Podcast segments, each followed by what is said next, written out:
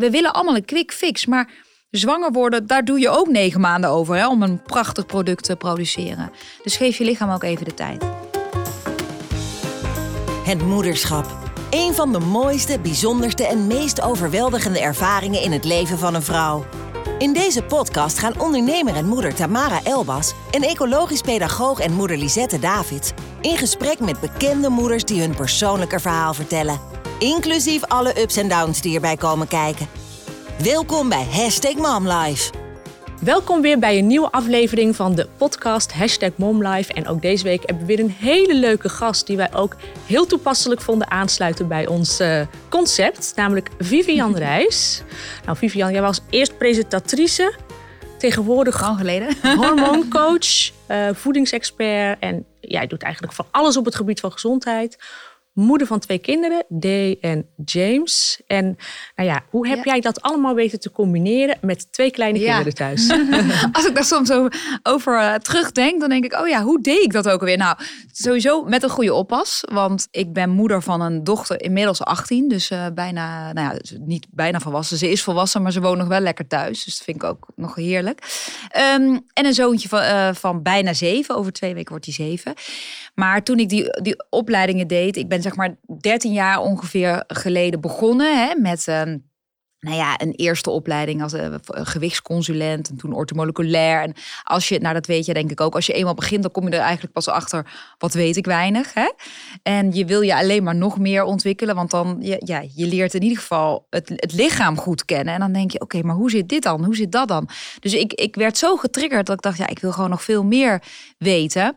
Nou, uh, afgelopen 13 jaar heel veel opleidingen gedaan. En de laatste opleiding die ik heb gedaan is klinische psychoneuroimmunologie. En dat is een driejarige opleiding, wat veel verder gaat dan alleen hormonen. Uh, die opleiding was heel pittig, maar toen had ik net James. En, uh, maar ik wilde dat zo graag doen, want het voelde echt als mijn missing link. Dat ik dacht, ja, maar ik wil hier echt wat mee. Dus ik had het geluk dat ik een hele fijne oppas had. Uh, of, en ik heb haar nog steeds. Die uh, ja, drie dagen per week, want die opleiding was drie dagen per week, op James paste. Dus ja, dat was wel echt wel heel erg fijn. En daarbij kon ik dat ook doen. En, en de rest van de dagen werkte ik gewoon thuis. Want ik ben eigen ondernemer. Dat zal je ook wel herkennen. Dus je kan heel erg je tijd indelen. Ja. En dat, dat vind ik wel echt ontzettend fijn. Ja. Jij bent tegenwoordig heel erg um, uh, gericht op het verbeteren van de gezondheid. Nou, je ja. bent uiteindelijk ooit gestart als presentatrice. Ja. Op dit gebied ja, presenteer je natuurlijk nog steeds wel ontzettend veel. Maar het is toch wel toch een tikkeltje andere branche dan waar je eerst in zat. Zeker. Mis je de prikkels van dat bestaan niet? Nee, helemaal niet. Ik heb het ontzettend leuk uh, gevonden. Ik heb het met heel veel plezier gedaan. Maar ik vind het ja, allerleukste om te spreken voor. Ik spreek best wel veel voor bedrijven of trainingen die ik zelf geef voor groepen. Als het gaat over uh, de hormoonbalans. En niet alleen van de vrouw, maar ook de verschillen tussen mannen en vrouwen. Er zitten ook best wel vaak, als ik zakelijke lezingen geef, mannen bij. Die echt da daardoor het vrouwenlichaam gaan begrijpen. En denken: ah, oké. Okay. Dit is de reden waarom een vrouw elke maand even zo. twee dagen wil scheiden. weet je wel? Zo. Dus. Ja. Um, Nee, dat voelt voor mij echt, uh, ja, daar, daar word ik heel warm van. En ik vond presenteren en ik vond tv, ik heb ontzettende leuke dingen mogen doen. En die prikkels vond ik toen heel erg leuk. Maar ik vind, ja, nu wat ik nu doe, nog tien keer leuker. Ja, ja begrijp ik. Uiteindelijk verander je denk ik ook als mens. En ja, hoe, hoe, hoe kwam bij jou die, die omschakeling ineens? Dus van eigenlijk presentatrice naar ja. ja toch wel een heel ja, vrij serieus vakgebied. Ging nou ja, daar iets aan vooraf? Ja, ik heb, ik heb uh, eigenlijk vanaf mijn twintig jaar heel veel uh, gezondheidsproblemen gehad. Hormonale klachten, maar ook heel veel spijsverteringsklachten. Uh, ik voelde me eigenlijk helemaal niet goed. Ik werd ook 10 kilo zwaarder.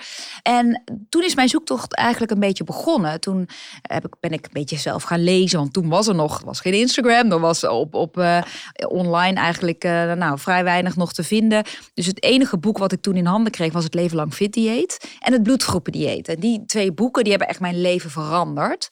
En toen ben ik dat gaan doen en toen ben ik bij een ortomoleculair therapeut, hè, die waren er toen ook nog heel weinig, heel schaars. Hè.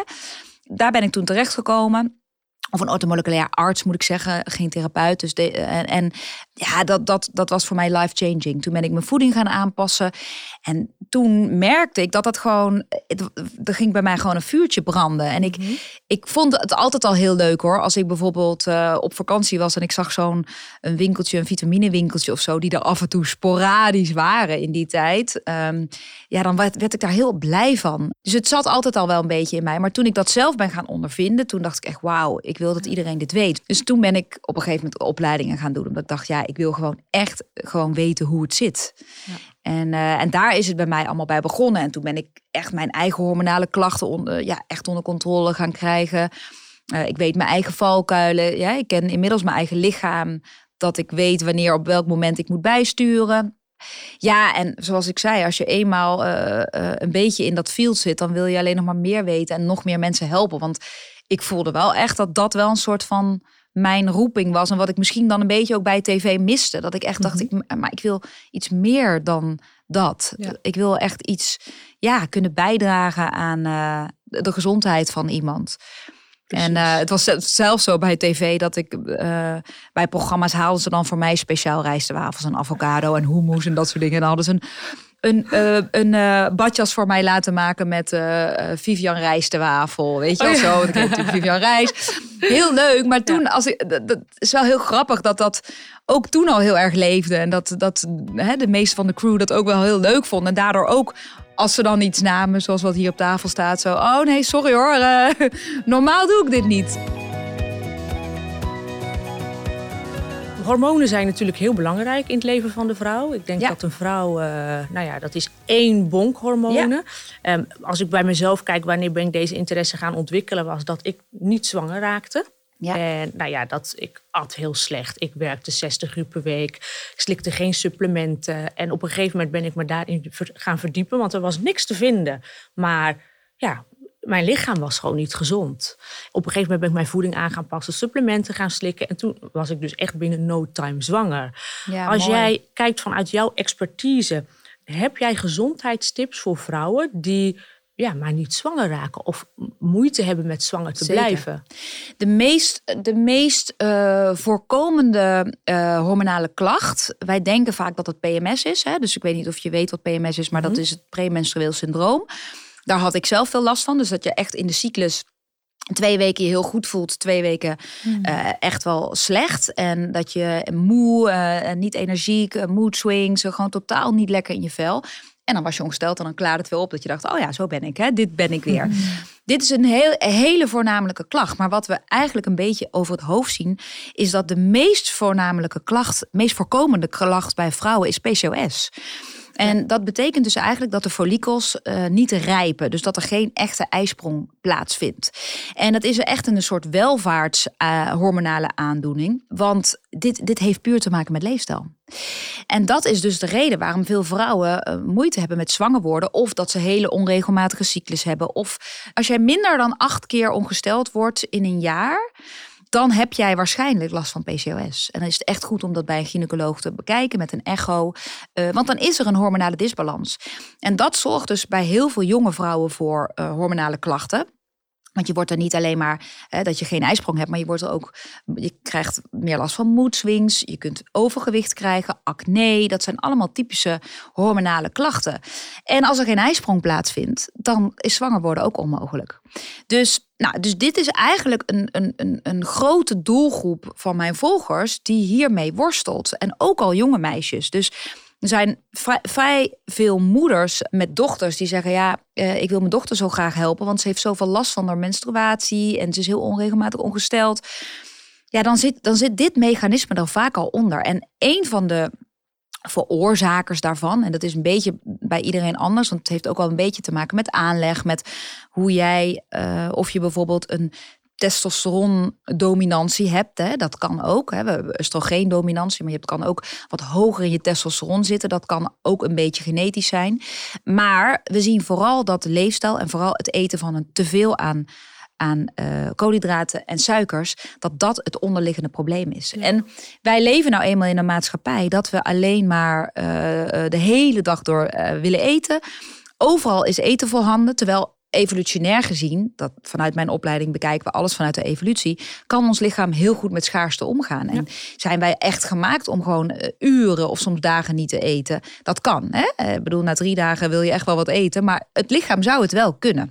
Hoe krijg jij dit verkocht aan je volgers in die zin Twintig jaar geleden at ik al geen gluten meer en geen uh, lactose bijvoorbeeld. Nou, mensen vonden mij echt waanzinnig. Ja, mij ook. Vonden mij heel raar. en op een gegeven moment, nou, ik word vaak ook benaderd inderdaad voor adviezen. En dan zeg ik, ja, leuk die supplementen. Maar het is eigenlijk het belangrijkste dat je gaat stoppen met al die pasta's en roomsauzen en sojamelk. Want dat brengt eigenlijk allemaal jouw hormonale balans in het gedrang. En dat vinden mensen heel lastig. Want dat betekent dus dat ze die pasta met roomsaus en kaas, die ze eigenlijk drie keer per week eten, omdat dat eigenlijk in onze cultuur zit. Ja, dat vinden ze zo lastig om te laten staan. En daar komen eigenlijk vrijwel alle klachten uit voort. Nou, Hoe ga jij dat mensen verkopen, zeg maar? Ja, nou, voeding is een belangrijke stap. Maar Kijk, mensen willen van nature dat het makkelijk gaat. Daarom zijn supplementen ook effectief. Hè? Jij verkoopt supplementen. Ik heb een eigen lijn speciaal voor uh, vrouwen met allemaal hormonale klachten. Dat kan zijn PMS, menopauze, vruchtbaarheidsklachten of problemen. Daar, daar maak ik specifieke eh, formules voor. Um, en dat doet het hartstikke goed. Maar ik zeg ook altijd, je moet het supplement zien als de kers op de taart. Die taart moet er wel onder zitten. Anders alleen aan die kers heb je niks. Ik heb een eigen methode ontwikkeld, ontwikkeld waar voeding een belangrijke stap in is. Maar het is niet het enige. Dus, uh, want je, er zijn nog veel meer dingen die het lichaam totaal uit balans brengen. Die ook de bloedsuikerspiegel uit balans brengen. Zoals stress, slecht slapen, te weinig beweging, te veel toxines, te veel milieutoxines die we ongemerkt binnenkrijgen, op onze huid smeren, in ons lichaam spuiten. Dat heeft allemaal een enorm effect op onze hormoonhuishouding. Maar ik snap wat je zegt. De gemiddelde mens, en ik zelf ook, je wil heel graag een quick fix. Je wil gewoon het liefst een pilletje dat je denkt: oké, nu voel ik me weer goed. Ehm, en dat kan ook, alleen het werkt nog beter als je ook je leefstijl onder de loep neemt. En dan ben ik gewoon als pedagoog alweer gelijk benieuwd. Want uh, ja, dat stukje, daar ben ik heel nieuwsgierig naar wie jij als moeder bent. Maar ook, hoe heb jij je kinderen meegenomen in zo'n gezonde lifestyle? Goeie vraag. Nou, ik moet heel eerlijk zeggen, ook ik worstel daarmee. Want ik heb twee kinderen in totale twee, uh, totaal twee verschillende levensfases. Hè? Dus en in de periode dat mijn dochter puber was, kijk, nu is ze 18, uiterlijk wordt belangrijker. Hè? Dat is een logische fase. Dus nu neemt ze veel meer van mij aan. Maar twee jaar geleden echt niet. Ze had zelfs een sleutelhanger van de McDonald's aan de, aan de sleutelbos hangen. Dat dacht, schat, je bent mijn kind, dat kan echt niet. Hmm. Ehm, maar dat was ook even een beetje verzetten. En ik heb voor mezelf ook besloten, oké, ik laat dit ook gewoon even. Ze moeten dat ook allemaal een beetje proberen.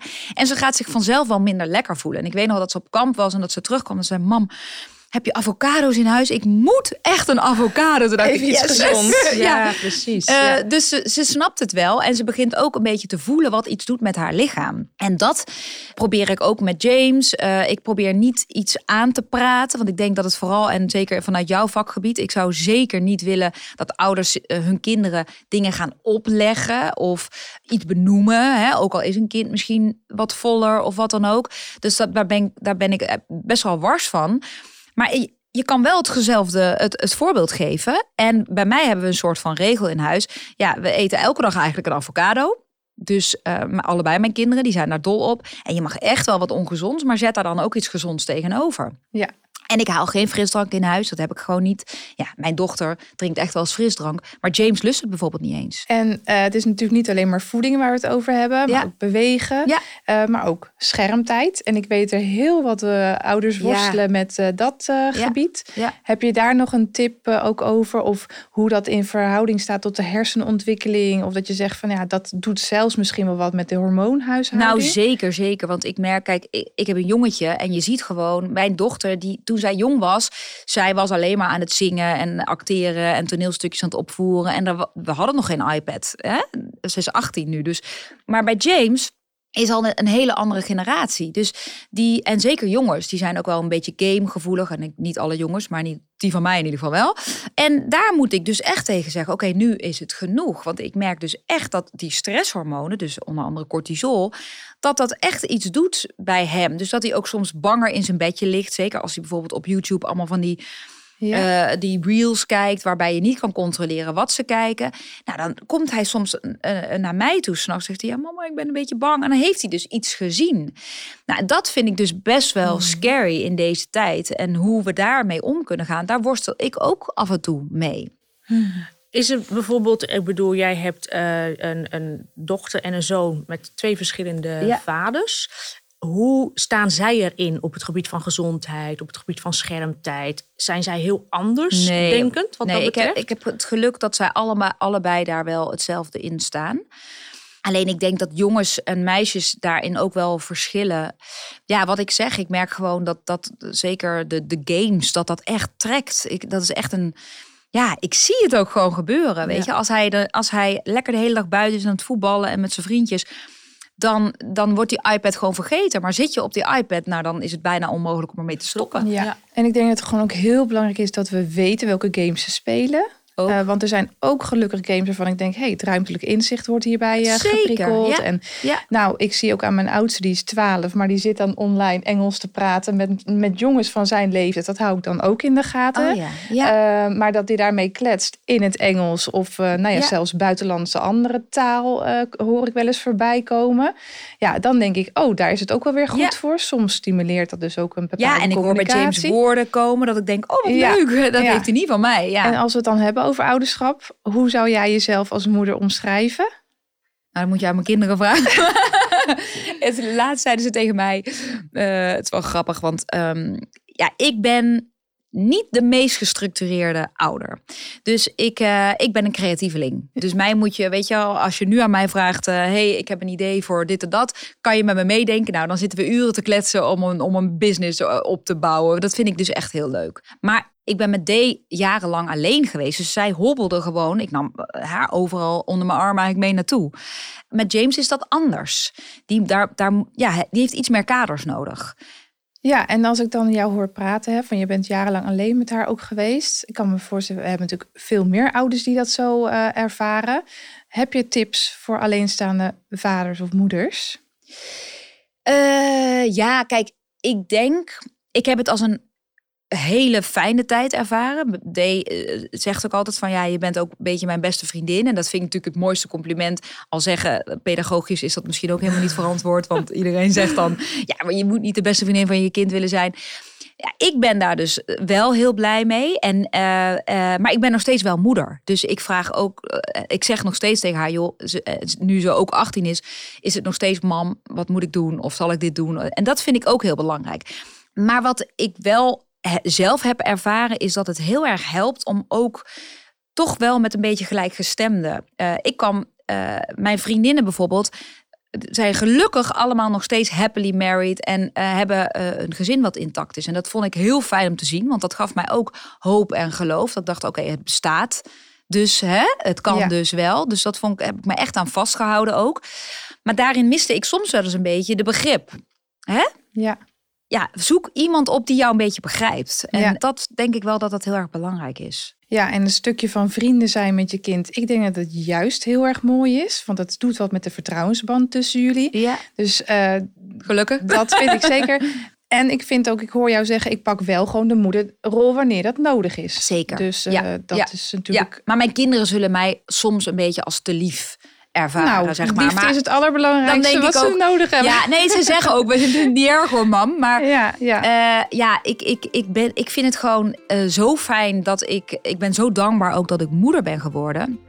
En ik geniet er zo ontzettend van... dat ik niet altijd de behoefte heb om de hele dag als een politieagent zeg maar, door het leven te gaan. Kan jij ook uh, terugkijken naar jouw eigen opvoeding? Um, als je daarnaar reflecteert, kan je iets benoemen wat jou heeft gemaakt tot de moeder die je nu bent?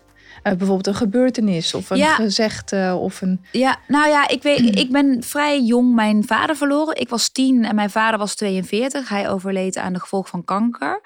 En dat heeft mij enorm gevormd in mijn, uh, in mijn leven. Uh, ik was alleen met mijn moeder, bleef ik over. En ja, mijn moeder en vader hadden samen een aantal kledingzaken. En mijn moeder is echt een, uh, een ja, enorme sterke zakenvrouw. En daardoor heb ik ook wel echt wel geleerd om toch negatieve situaties om te draaien naar iets positiefs. Nou kan je nooit het overlijden van iemand omdraaien naar iets positiefs, dus begrijp me niet verkeerd. Maar wel in hoe je er uh, in het leven blijft staan.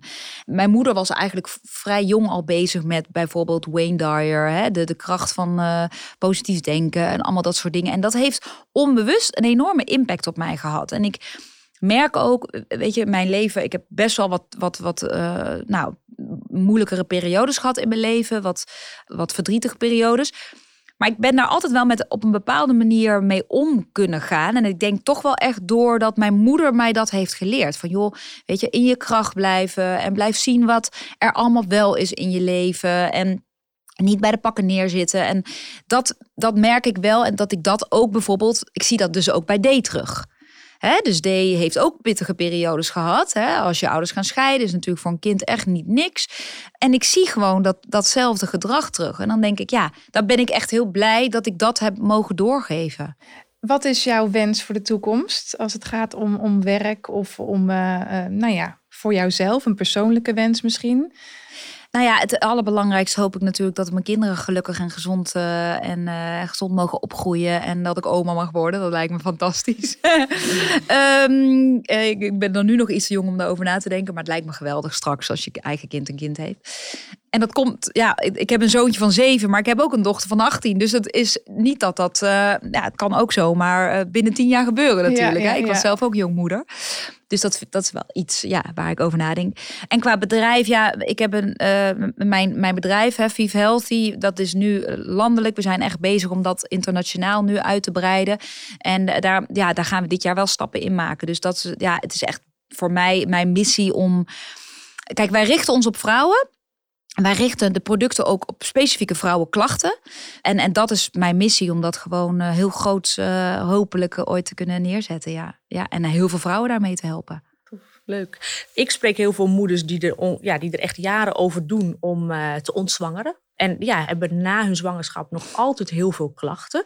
Wat voor tips zou jij voor die moeders hebben, wat zij eigenlijk meteen na de bevalling zouden kunnen doen om ja, hun lichaam weer te herstellen, zodat ze snel weer de oude zijn. Ja, daar zit eigenlijk het probleem al. Vrouwen willen ook meteen na de bevalling iets doen. En ik zeg altijd, je bent negen maanden zwanger en je moet echt negen maanden je lichaam ook de tijd geven. En er is maar één ding nu heel erg belangrijk en dat is gewoon de baby. Dus eh, voor mij is het echt, ga gewoon in die zachtheid. Ga gewoon even lekker mee in die bubbel. Ik bedoel, voor mij persoonlijk waren dat de twee mooiste weken van mijn leven. En geniet daarvan. Ga niet denken, oh, krijg ik dit er ooit wel weer af? Of hoe voel ik me nou weer lekker? Nee, ga echt even gewoon heerlijk genieten van dit moment. Want dat moment komt nooit meer mm. terug. Natuurlijk snap ik dat je gezonder wil leven, maar ga eh, take it easy, weet je. Doe het gewoon lekker op, op een uh, rustig tempo. En als je na een half jaar denkt, ja, ik, ik, ik moet nu toch echt wel wat gaan doen Koop het boek Herstel je hormonen. Ga daar gewoon lekker mee starten. Want dat is gewoon, daar staat alles in wat je eigenlijk als basis wil weten als vrouw. En dan ga je gewoon lekker een beetje met voeding aan de slag. Maar geef je nog borstvoeding, dan is het ook belangrijk dat je in ieder geval nog wel goed blijft eten. Let op met suikers, let op met alcohol, let op met soja, let op met E-nummers. Dat zijn allemaal dingen die een enorme rol spelen. Ook die bloedsuikerspiegel een beetje natuurlijk in balans houden is belangrijk. En daar voel je je snel alweer beter door als dat zo is. Maar vooral ontspan en zorg niet dat je stress krijgt van het feit dat je zo graag zo snel wil ontzwangeren. En we willen allemaal een quick fix, maar zwanger worden, daar doe je ook negen maanden over hè, om een prachtig product te produceren. Dus geef je lichaam ook even de tijd.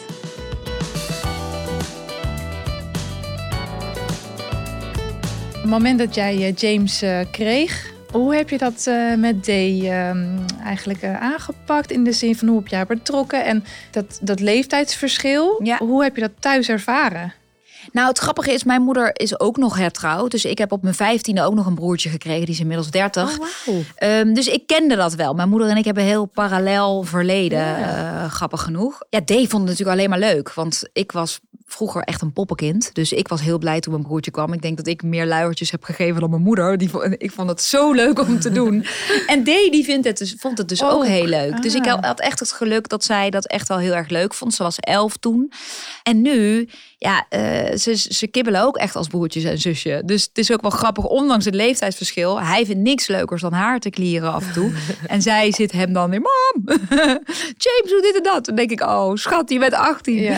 Maar dat is ook wel weer heel leuk. Dat, het geeft ook aan, ondanks dat ze natuurlijk half broertje en half zusje zijn, dat de band gewoon net zo is als een echte broer en zus. En dat dat echt helemaal niks uitmaakt. En qua liefde, is er inmiddels een nieuwe liefde? Oh, wat leuk. Hebben wij de primeur? Of? Nee hoor, nee, nee. Niet. Oh ja jammer. Nee, ik had er nog niks over gezien namelijk. Nee, omdat ik ook besloten heb, uh, gezien mijn verleden. Uh, en en uh, dat ik, ik, ik deel eigenlijk sowieso, misschien valt je dat op, eigenlijk bijna niks privé. Heel af en toe zie je mijn honden en heel af en toe mijn kinderen een keer in beeld. Ja. Maar wat ik doe en waar ik op vakantie ben en al die dingen, dat deel ik allemaal niet.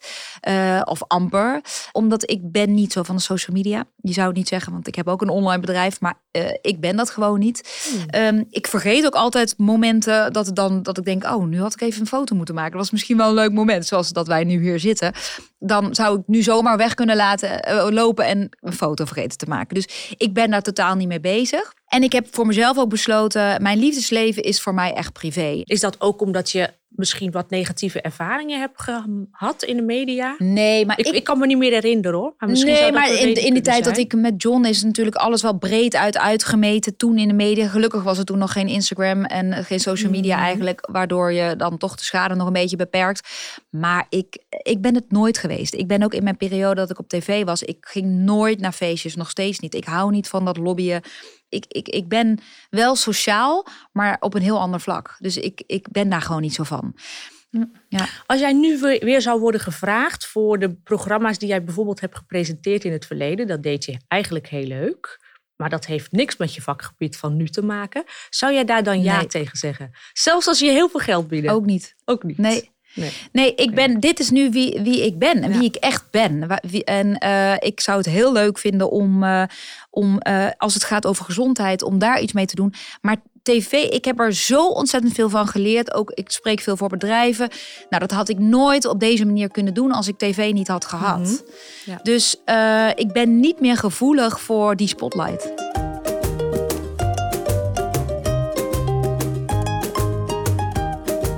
Als jij echt vanuit jouw moederschapsrol uh, bekijkt, van, nou, en dan niet als hormooncoach, maar echt vanuit moederschap, wat voor tips zou jij willen meegeven aan moeders?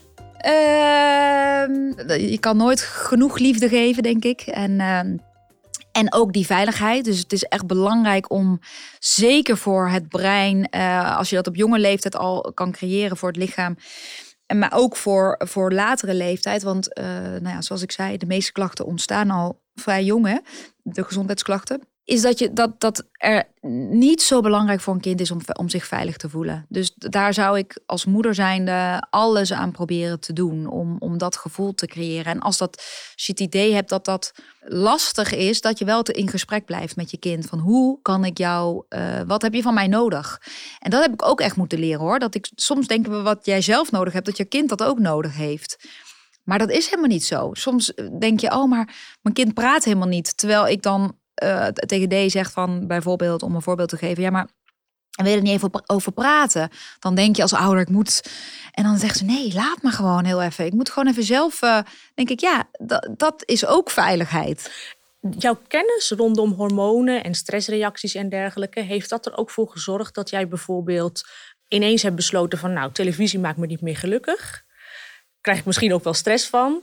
Nu word ik iets wat beter bij me past. En ik voel me meer veilig in deze hoedanigheid. En dat, dat, geldt natuurlijk ook voor een huwelijk. Dit huwelijk maakt me niet meer gelukkig, geeft mij stress. Ik laat het los, want dit is niet goed voor mijn hormoonhuishouding. Heb je dat zo heel makkelijk kunnen nou, Niet omdat het dan niet goed is voor mijn hormoonhuishouding. Maar ik probeer gewoon heel erg mijn pad te bewandelen. En, en echt goed blij, bij mezelf te blijven voelen. Wat, ja, waar krijg ik energie van? Waar word ik mhm. gelukkig van? Ja. En ik heb genoeg uh, levenservaring inmiddels om te, om te voelen waar ik geen uh, energie meer van krijg.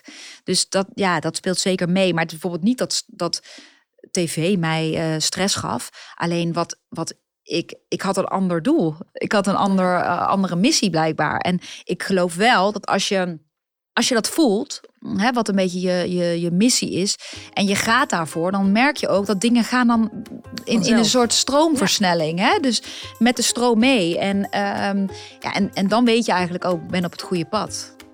Ja, en dat heb ik zelf wel echt mogen ervaren, ja. Vivian, we vonden het een hartstikke leuk gesprek. Wij willen je echt enorm bedanken voor je komst. En... Dank jullie wel. Succes met het boek.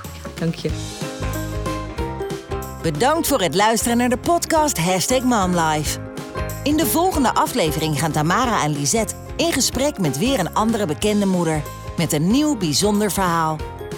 Vond je de aflevering leuk? Abonneer je op het podcast en YouTube kanaal van Hashtag MomLife. Ook leuk als je een recensie achterlaat. Tot de volgende aflevering.